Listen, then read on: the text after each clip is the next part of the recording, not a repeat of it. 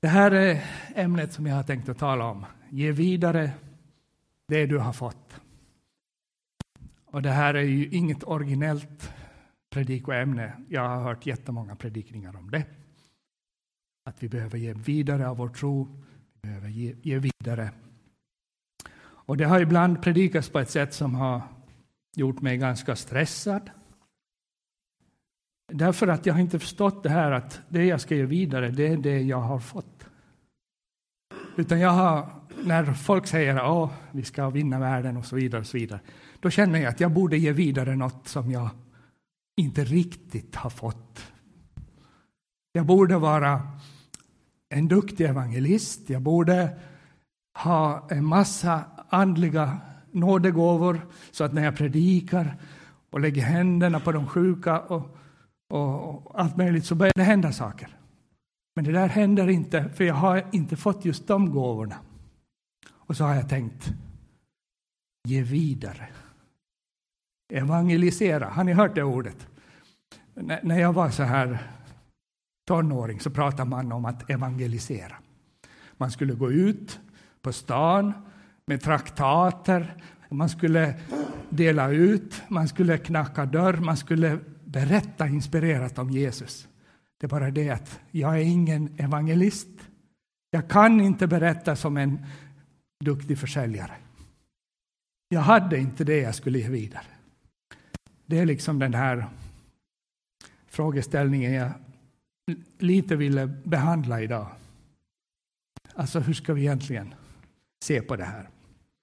Och jag tänker börja med ett bibelord som det är Jesus själv som säger i Matteus 13 och 33. För att få en liten bakgrund till det jag ska säga. Där står det, ännu en liknelse gav han dem.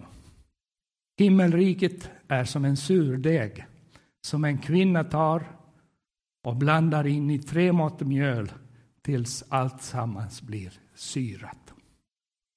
Det här var ju en konstig text. Är det någon som har gjort bröd med surdeg någon gång? Är ni bra på att baka? En finns det och två, tre har gjort. Så ni vet vad det handlar om. Och fyra. Det är många. Men att de allra flesta är lite främmande, men jag ska berätta vad det handlar om. Men först tänkte jag jag skulle berätta vad menar han när han säger att himmelriket är som en surdeg. För det första, himmelriket. När Jesus talar om himmelriket så är det ju så där det, det, är ett begrepp som, som finns i Gamla testamentet väldigt mycket, åtminstone indirekt. Och det var ju så att Gud skapade världen och allting var perfekt. Och så kom synden in, det vill säga människorna gick emot Guds instruktioner och de ignorerade hans varningar. Och så var det perfekta paradiset förlorat. Utförsbacken hade börjat. Vi vet var vi är idag, miljöförstöring och krig och svårigheter. Men i Jesaja-boken och också i Uppenbarelseboken så står det att Gud ska skapa nya himlar och en ny jord där rättfärdighet bor. Och då kommer Guds vilja att ske igen här på jorden, eller på den jord som finns då. Man diskuterar lite om det är den här jorden som blir förnyad eller om det är en ny jord helt och hållet. Det saknar jag kompetens att avgöra. Men det är någonting som ska, det talar om framtiden. Och det är också därför som Jesus lär oss att be, ske din vilja, så som i himlen, så och på jorden. Alltså, Gud har en vilja som ska ske här på jorden. Och när Jesus pratar om himmelriket det är detsamma som Guds rike. För att judarna vill inte gärna nämna Guds namn. Så de sa ofta himlen istället för Gud. När de himlen har bestämt. När de, därför att det var så heligt det där namnet, Gud, Guds namnet. Så därför så finns det här uttrycket Guds rike och himmelriket som parallella uttryck i Nya testamentet. Och när Jesus pratar om himmelriket så är det ju det att han vill upprätta just det här perfekta på nytt. Det är han som enligt alla löften, han är Messias, den smorde, den som ska ta tag i allt det här. Och därför pratar han om himmelriket. Och så när han har de här liknelserna, då vill han försöka förklara vad hans rike går ut på och hur det fungerar. Och en av de här liknelserna, det var just den här, att himmelriket är som en surdeg som en kvinna tar och blandar in i tre mått mjöl tills allt sammans blir syrat. Surdeg, det är ju en, en sån här deg som är gjord som har en kultur av jäst och mjölksyrabakterier. Så att när man blandar den där sura degen med resten av mjölet och baket och gör en deg där det där ingår. Den ska vara väldigt väl blandat in där. Så då får den där degen efter ett tag får sin rätta konsistens. Den jäser och den får också sin rätta smak. Det tar lite tid, men det är liksom det börjar och så ändras hela degen. Och så blir det som, som när man också jäser degen innan man bakar. Ni har sett kanske någon gång, man sätter en degklump i en bunke och så sätter man en handduk över, har jag fått lära mig av någon anledning som bara de här damerna här vet. Men så börjar den svälla. Den förvandlas och blir någonting annat och blir ett fint... Istället för att vara mjöl och vatten och salt och vad det nu är, så blir det någonting som går att göra bröd av och de smakar gott sen när man har gräddat dem. Det är alltså surdegen. Och han använder den här bilden därför att jag tror att han menar så här att surdegen, det, han har ju undervisat sina lärjungar, de är inte så många, det är en liten klump. Men den blandas, den är i världen och så sprider sig det här. Så sprider sig det här i hela världen. Och om vi tänker på vad, hur det har kommit idag, alla de miljoner som tror på Jesus. Alltså från de där, först var de 12 och kanske 72 och sen var de kanske 120 där på pingstdagen eller något sånt. Plus en del som nog sympatiserade med honom. Men tänk på alla miljoner, alltså hundratals miljoner som tror på Jesus idag. Så att visst håller den här surdegen på att genomsyra världen på många olika sätt. Och det, det, är väldigt mycket i världen som skulle vara mycket sämre om inte det här hade hänt. Jag, jag som har tillbringat mycket tid på missionsfält, jag har sett liksom hur bara det att folk kan börja läsa och skriva. Liksom.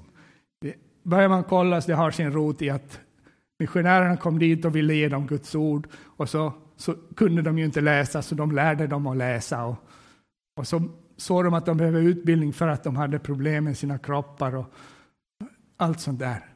Och det där, om man börjar studera det i land efter land, så är det ju det som finns där i botten. Den här tron på Jesus har liksom gett sådana ringar på vattnet. Surdegen har förbättrat degklumpen. Och när vi pratar om att ge vidare så tror jag att det här, det är den här bilden vi ska ha. Vi är inte liksom inlåsta i en annan degbunke än de andra. Än de som vi vill på, påverka. Men vi, vi behöver vara ute i, i degen, så att säga. Annars gör det ingen effekt. Om du har en bunk med surdeg här och en stor bunk med mjöl och vatten och vad det nu är du har blandat där på sidan, så kommer det inte hända någonting med den där mjöl och vattenbunken. Den här lilla kommer kanske bli surare och surare och jag vet inte vad som händer med den, men ingenting bra händer. Utan det blir så där som det blir. Så det ska blandas. Och vi läser i första Timoteusbrevet 2.4 står det att Gud vill att alla människor ska bli frälsta. Det vill säga räddade och lära känna sanningen. Det finns liksom bara en, en, ett sätt att bli räddad från allt det som ska övergå jorden och det är att man lär känna sanningen om Jesus. Om Jesus som har öppnat vägen till Gud, att vi får vända oss till honom, att vi får ha ett hopp för framtiden och att vi får leva vårt liv i gemenskap med honom som har skapat oss. Och i den meningen så har ju paradiset redan börjat här och nu. Därför att det finns människor som lever i gemenskap med Gud. Fast det ännu inte har berört alla. Det står också någonstans att när vi tar emot Jesus så blir vi förda ut ur mörker, mörkrets rike och in i Guds, sons älskade, Guds älskade sons rike. Och det är just det riket, himmelriket, som Jesus pratar om. Så att vi, vi, vi, vi blir som den här surdegen som är full av god smak och konsistens och kan göra mycket med vår omvärld. Vi är en nyskapelse, står det också. I andra Korinthierbrevet 5 och 17 så står det om någon är i Kristus är han alltså en ny skapelse. Det gamla är förbi, något nytt har kommit. Och jag läste just om det här när det står en nyskapelse. Att det är mycket möjligt att han tänker på det här med en ny, ny himmel och ny jord. Alltså Gud har redan skapat någonting nytt i den som tar emot Jesus. Han är en del av den där nya skapelsen som ska ta över, som, som kommer att ta över helt och hållet en vacker dag. Och tänk att du och jag får vara med i den processen om vi bestämmer oss för det, om vi vill. Vi får bli en ny skapelse, det, har, det händer någonting. Och det är så vi blir som den där surdegen. Vi har tagit emot den där syran som vi kan ge vidare. Kan påverka hela vår omgivning. Sanningen om Jesus får vi ge vidare till andra, som i sin tur ger den vidare till andra. Och så på det sättet genomsyras världen av den här surdegen som Jesus pratar om, himmelriket. Och vi kan välja att vara en del av den här planen eller att motarbeta den. Det finns liksom, åtminstone, det är väldigt svårt att vara likgiltig, utan Jesus säger också så här att den som inte är med mig är emot mig och den som inte samlar med mig skingrar. Matteus 12 och 30. Vi kan vara med och samla eh, människor till honom och vi kan med, genom att låta bli så i praktiken så skingras människorna från honom. Och det här är något som vi inte ska på det sättet bli väldigt deprimerade och stressade över för att ibland när man predikar över det här på ett, ett sådant sätt att jag har förstått att jag hör nog till de där som skingrar, för jag är inte så duktig på att evangelisera. Jag hoppas att det inte är någon här som uppfattar min predikan på det sättet. Men jag vill bara betona att det finns den här valmöjligheten. Du kan välja att vara en av dem som samlar med Gud med Jesus. Och när vi nu tänker på vår värld, att nu är det ju mycket som behöver påverkas av den här surdegen. Har vi, och då kommer genast frågan, har vi faktiskt någonting att ge, alltså? Att ge vidare? Har vi det? Jag brukar fråga mig själv, alltså, har jag faktiskt någonting att ge? Men jag har kommit fram till att det har jag nog kanske. Jag ska läsa ett lite längre sammanhang som egentligen är orsaken att jag tar, predikar den här predikan för att eh, det var ett bibelord som jag läste här i kyrkan faktiskt för er någon gång i våras. Och jag tänkte bra, jag kände att jag skulle läsa det bra, jag har läst och förklarat lite och nu kan jag lämna det. Det var bara det att det fortsatte att eka och ringa i, min, i min tanke det här ena uttrycket som vi finner i det här avsnittet som jag ska läsa från Apostlagärningarna 3 vers 1 till och med 10.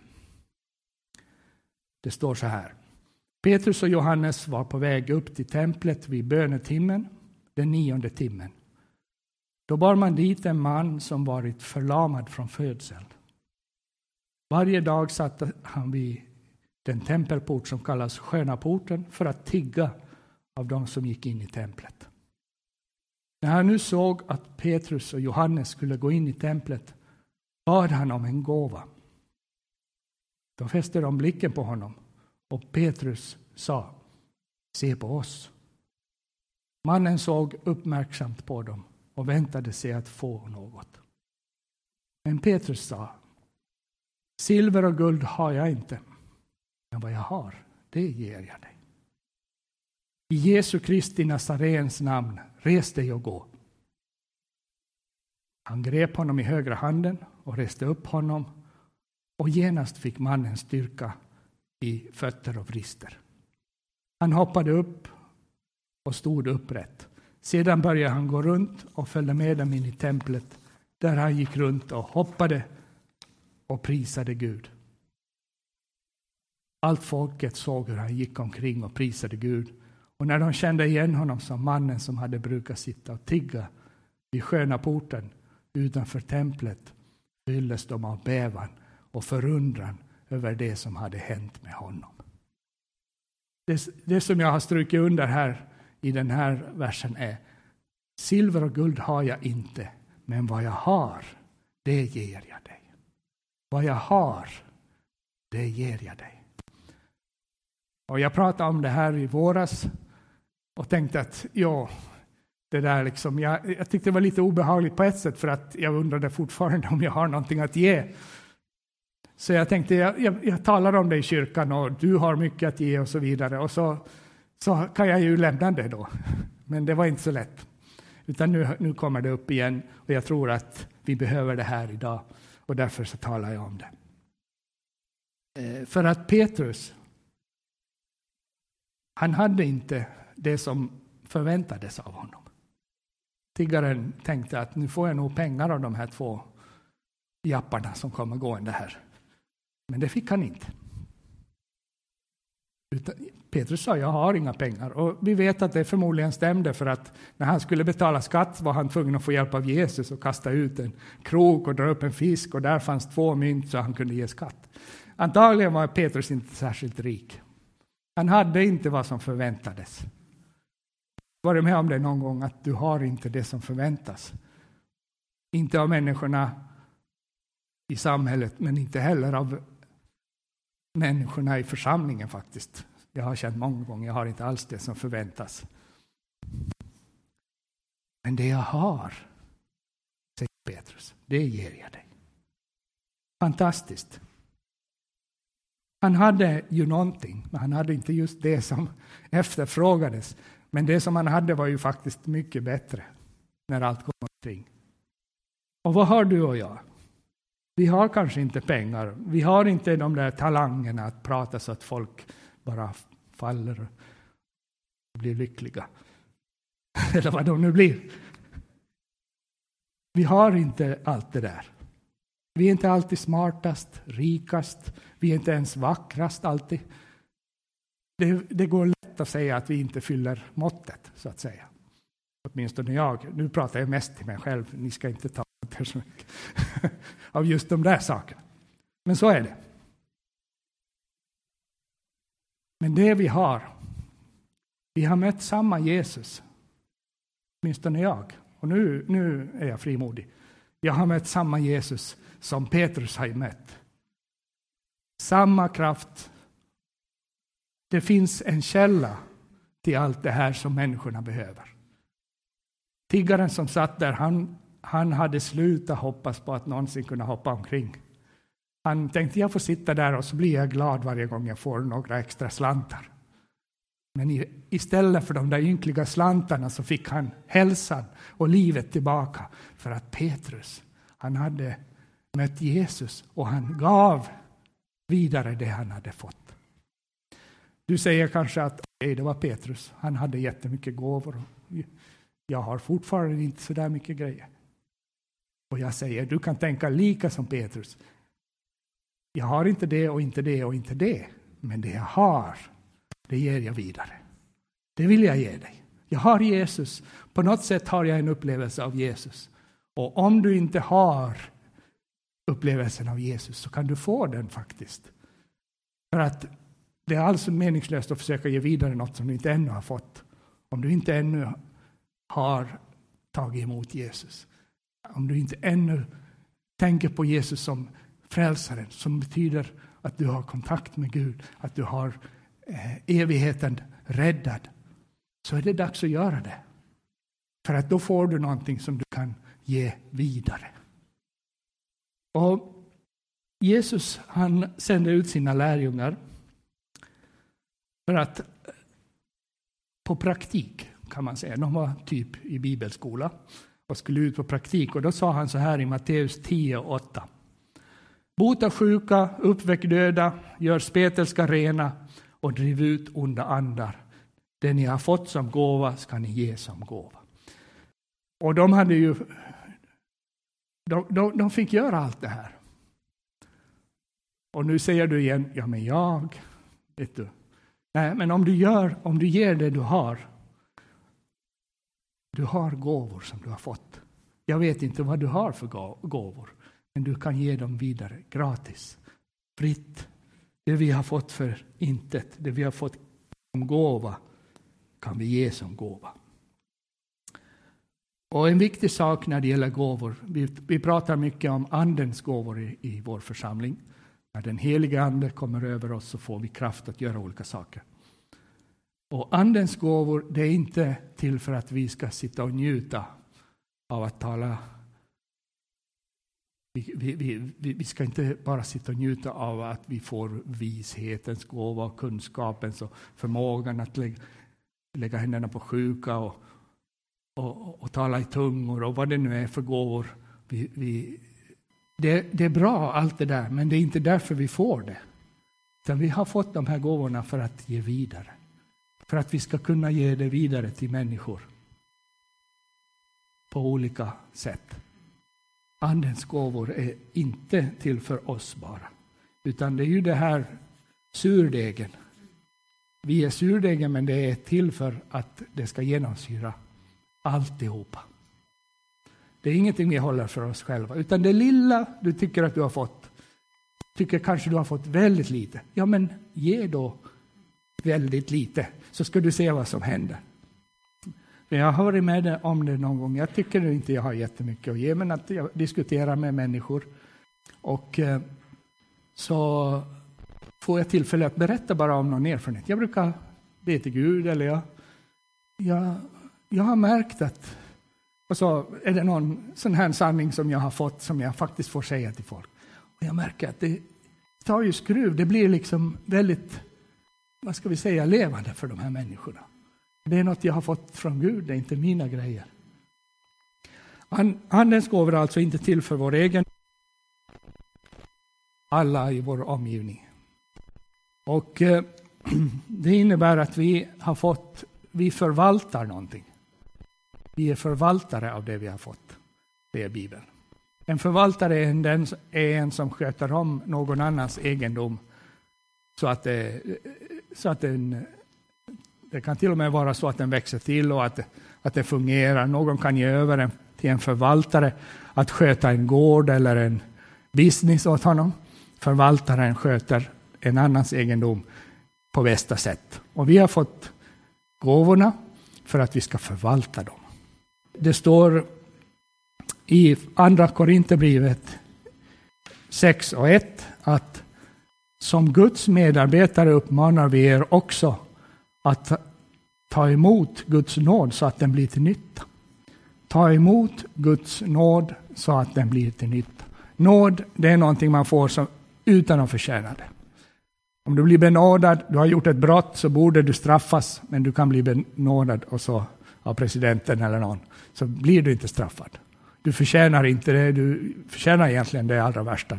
Men så är det också med de här gåvorna. De har vi fått av nåd, vi förtjänar dem inte. Det är inte liksom lön, utan det är gåva. Och så skriver Paulus att vi, till Korinterna att de ska ta emot Guds nåd så att den blir till nytta. Där har vi samma tanke igen. Att inte ta emot nåden och bara behålla den så här. Det är skönt och bra. Nej, den blir till nytta för alla i din familj, för människorna runt om dig genom att Gud får verka genom dig. Vi har ett annat liknande, lite längre ord här i första Petrus brev 4 och 7 till och med 11. Där står det så här. Slutet på allting är nära. Var därför kloka och nyktra så att ni kan be. Framförallt ska ni visa uthållig kärlek till varandra. För kärleken överskyler många synder. Var gästfria mot varandra utan att klaga. Tjäna varandra, var och en med den nådegåva han har fått, som goda förvaltare av Guds mångfaldiga nåd. Om någon talar ska han tala i enlighet med Guds ord. Om någon tjänar ska han tjäna med den kraft som Gud ger, så att Gud i allt blir ärad genom Jesus Kristus. Hans är äran och makten i evigheters evighet. Amen. Här står det om att vara goda förvaltare. Och Guds nåd kommer i olika former.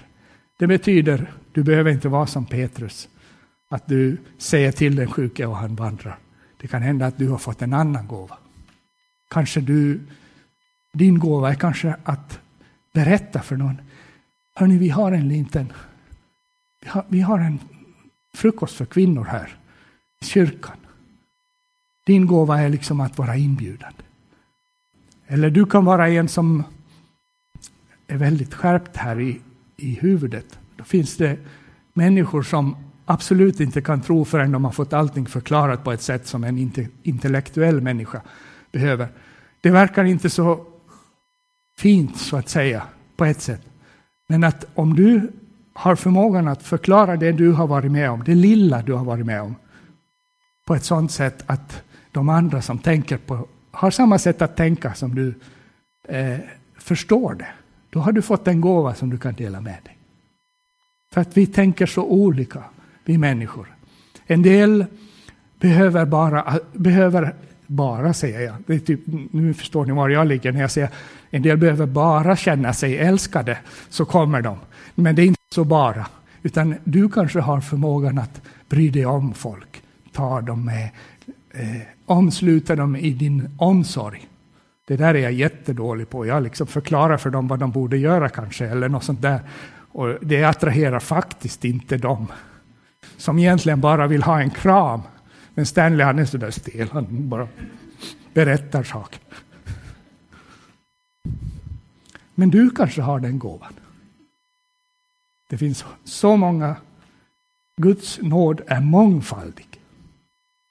Och sen jämför det verkligen inte med de andra. Ibland vill jag inte predika för jag jämför mig med vissa predikanter som faktiskt kan lägga ut texten. Och så tänker jag, nej, så, varför ska jag börja när det finns sådana? Men så har han kanske gett mig ett ord som jag med allt våld måste säga ändå. Så predikar jag och så blir det till hjälp för någon. I all brist. Jämför dig inte. Gör det som Gud ger dig kraft till. Varken mer eller mindre.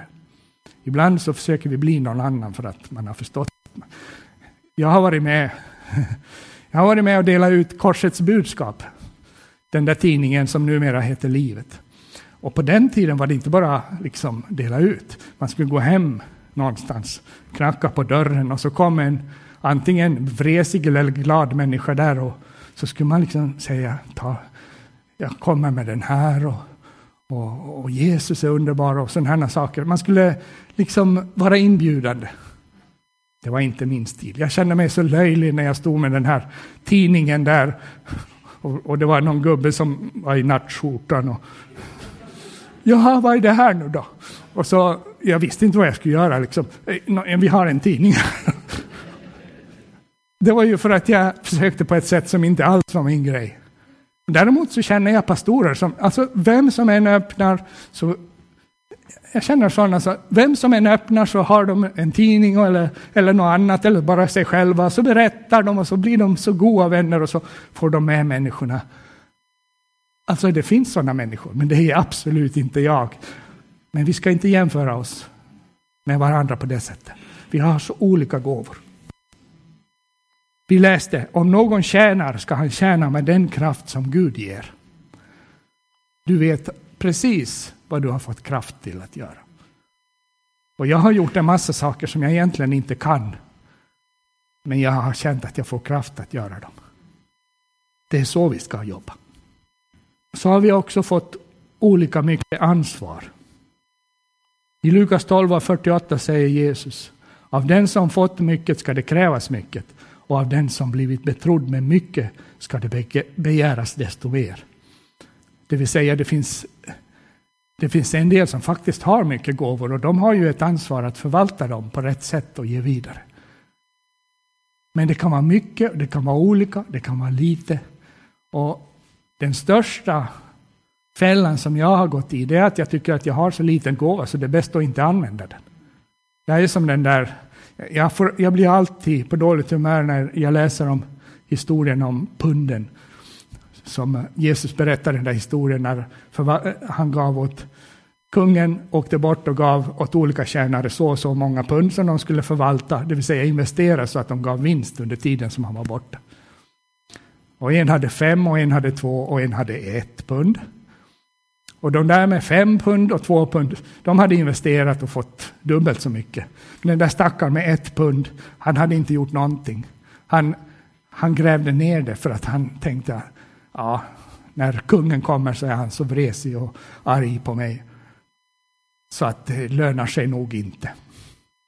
Och jag, tänker, jag tror att vi ibland tänker så här att, att vi borde skämmas liksom för att vi har så lite, därför gör vi ingenting.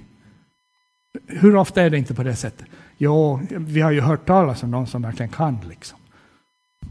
Och jag har ingenting. Det är nog bäst att jag bara är. Jag bara går här och äter min morgongröt och lever mitt liv. Men jag säger aldrig någonting om Jesus. Jag, jag visar aldrig att jag är lycklig över att, att, att Jesus finns i mitt liv. Den fällan faller vi väldigt ofta i. Men också det där lilla som du har, att du kan bjuda hem någon på kaffe, du kan bara berätta att du faktiskt fick ett bönesvar häromdagen. Eller att du till och med, du kan till och med berätta att du hörde om ett bönesvar. En bekant som fick ett bönesvar. Vet du, en, min kompis när han bad för det där som du just har, den där onda foten. Så, ja, i församlingen så bad vi för det och så blev den frisk. Så behöver du inte säga mera.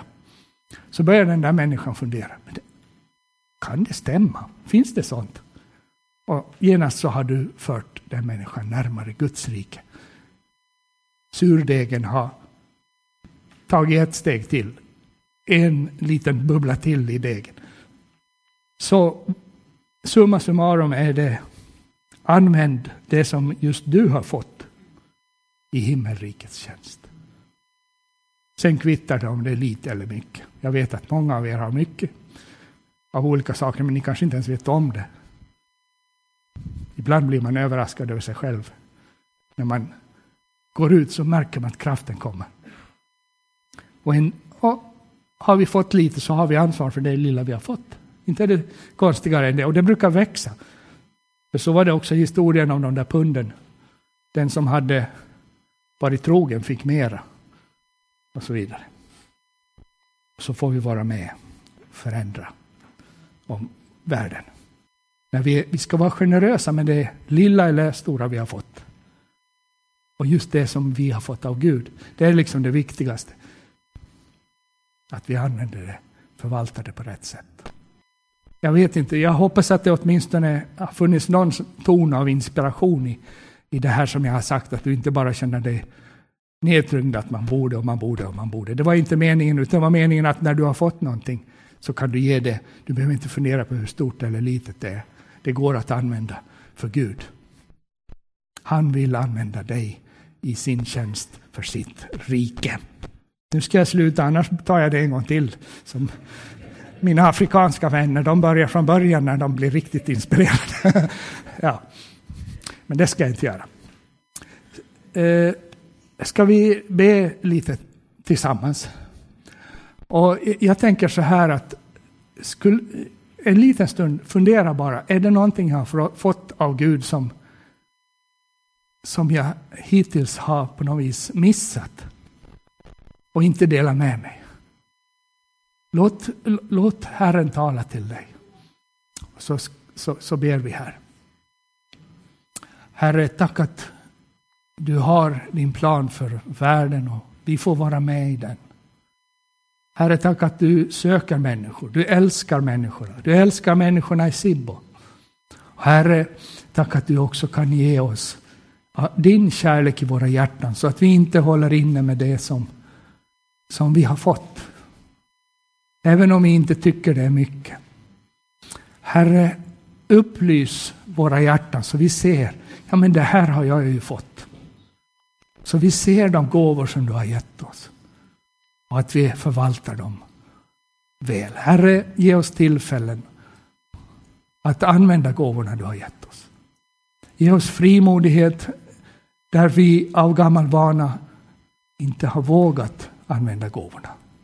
Herre, kom med din Ande på ett så mäktigt sätt i våra hjärtan så att, så att det bryter fram. Så att vi kan säga som apostlarna, ve mig om jag inte predikar evangelium. Herre, kom med din Ande och ge oss den drivkraften som vi inte själva kan åstadkomma, men som finns när vi tjänar dig, som finns i ditt rike, som finns när, när, när, när surdegen får verka också i våra liv. Tack Jesus att du hör oss. Amen.